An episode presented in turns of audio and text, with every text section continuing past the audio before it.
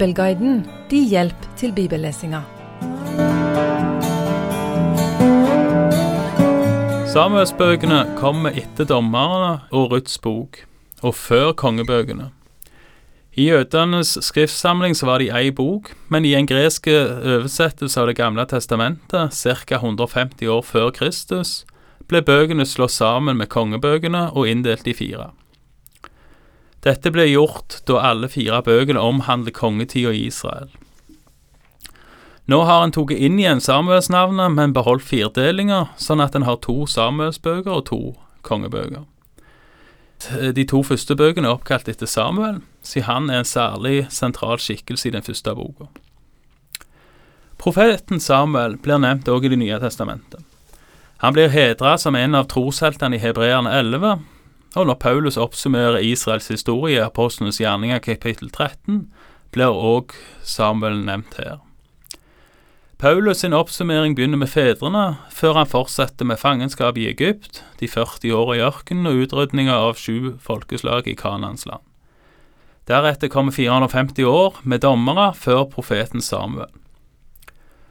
Selv om mange før Samuel har hatt profetier, deriblant Moses, regner Samuel for å være den første profet. Andre viktige personer i første Samuels bok er særlig kong Saul og kong David. Samuel salver begge disse, og selve salvinga er en nøkkeloppgave for Samuel. Saul blir valgt av israelsfolket. Sånn som jeg forstår, så er dette mot Guds vilje. Guds vilje var nok at folket skulle tro på Gud alene og ha han alene som konge. Dette skal vi komme tilbake igjen til seinere.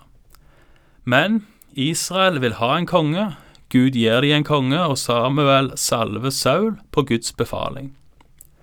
Men likevel lever ikke Saul opp til sin tjeneste som konge, han blir forkasta av Gud, som vi skal komme tilbake igjen til.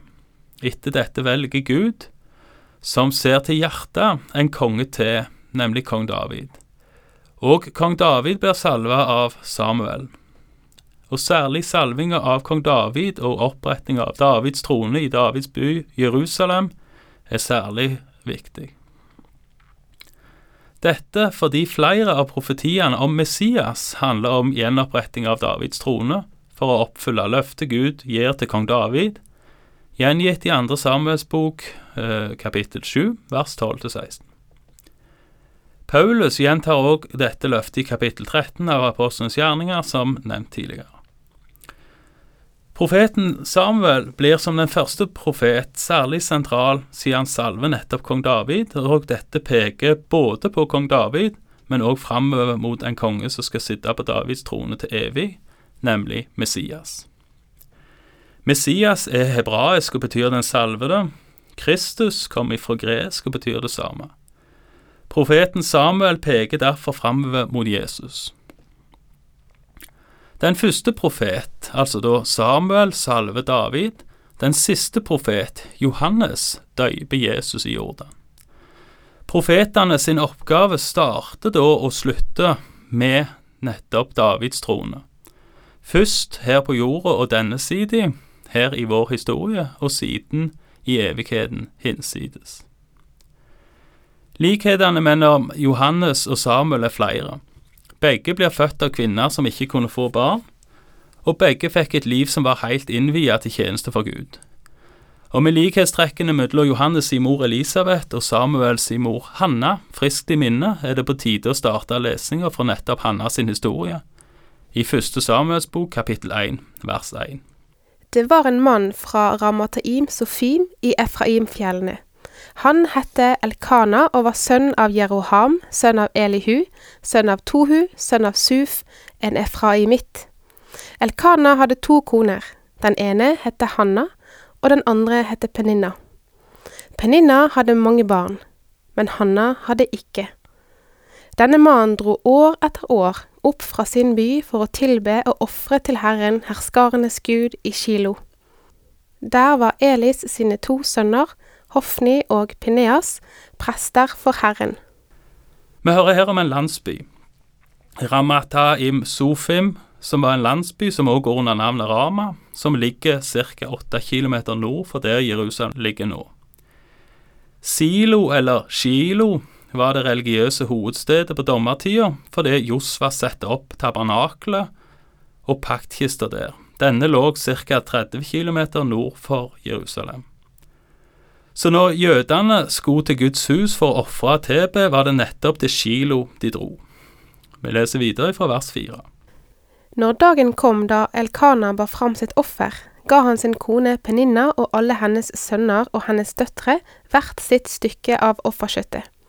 Men Hanna ga han et dobbelt stykke, for han elsket Hanna, enda Herren hadde lukket hennes mors liv. Hennes rivalinne krenket og plaget henne for å egge henne til vrede, fordi Herren hadde lukket hennes mors liv. Slik gjorde han år etter år, så ofte som hun dro opp til Herrens hus. Og slik krenket Peninna henne, og Hanna gråt og ville ikke spise. Da sa Elkana, hennes mann, til henne, Hanna, hvorfor gråter du, og hvorfor spiser du ikke? Hvorfor er du så sorgfull? Er jeg ikke mer for deg enn ti sønner? En gang hadde de spist og drukket i kilo. Eli, presten, satt på stolen sin ved dørposten til Herrens tempel. Da sto Hanna opp, og i sin hjertesorg ba hun til Herren og gråt sårt. Og hun gjorde et løfte og sa, Herre, herskarenes Gud, dersom du vil se til din tjenestekvinne i hennes nød og komme meg i hu, og ikke glemme din tjenestekvinne, men la din tjenestekvinne få en sønn, så vil jeg gi ham til Herren for hele hans levetid, og det skal ikke komme en rakekniv på hodet hans. I vers 9 så står det at Eli, altså øverstepresten, satt på sin stol ved dørposten. Det var der dommerne satt, og de dømte i saker som ble tatt opp. Eli, presten, hadde derfor både en rolle som prest, men òg som dommer. Dette med rakekniv, eller barberkniv om en vil, nevnt i vers 11, er knytta til nazireerløftet, som handler om å vie seg helt til Herren. Det kan en lese mer om i Fjerde Mosebok kapittel 6 vers 1-21. Vi leser nå videre ifra vers 12. Slik ba hun lenge for Herrens åsyn, og Eli la merke til munnen hennes, for det var i sitt hjerte Hanna ba. Hun rørte bare leppene, men stemmen hørtes ikke. Derfor tenkte Eli at hun var drukken, og han sa til henne, Hvor lenge vil du te deg som drukken, se til å bli ferdig med vinen din. Da svarte Hanna og sa, Nei, Herre, jeg er en kvinne som bærer på en tung sorg i hjertet.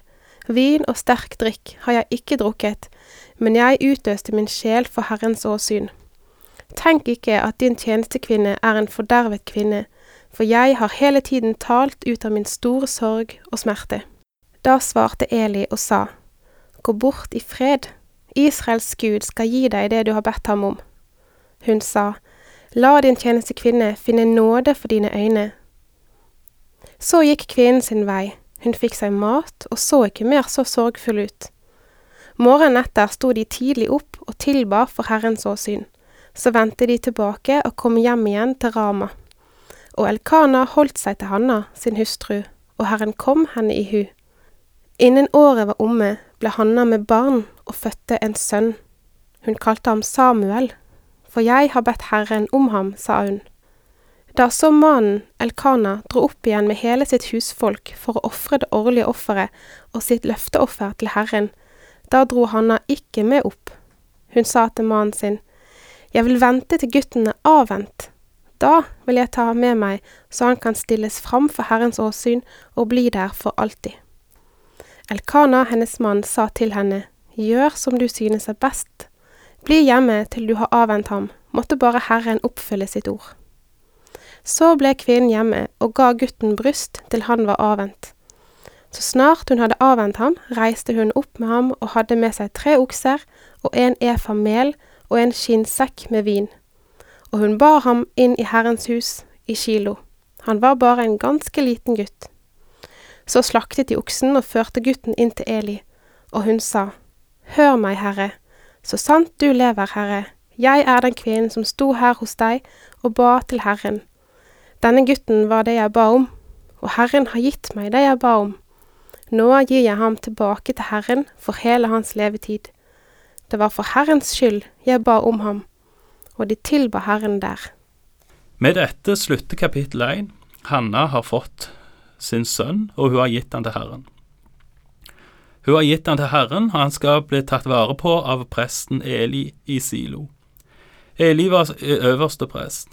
Som vi skal se i de kommende kapitler, så var ikke det å vokse opp i Guds hus en garanti for ikke å møte ugudelighet. Men Samuel som den første profet får en veldig tjeneste for Gud, og blir en mann som får både lede israelsfolket tilbake til tilbedelse av Gud, han får salve kong David, han får peke framover på Kristus. Alt dette starter med ei kvinne som griner. Ei kvinne som griner over å ikke ha fått den sønnen som hun gjerne vil ha. Ei kvinne som går i sin sorg til den allmektige Gud. Og Gud velger å svare. Han velger å snu sorg til glede, snu klagesang til lovsang. Kapittel to, som vi skal lese om neste gang, starter med Hanna sin lovsang til Herren. Men dette får vente. Takk for i dag, og Herren være med deg.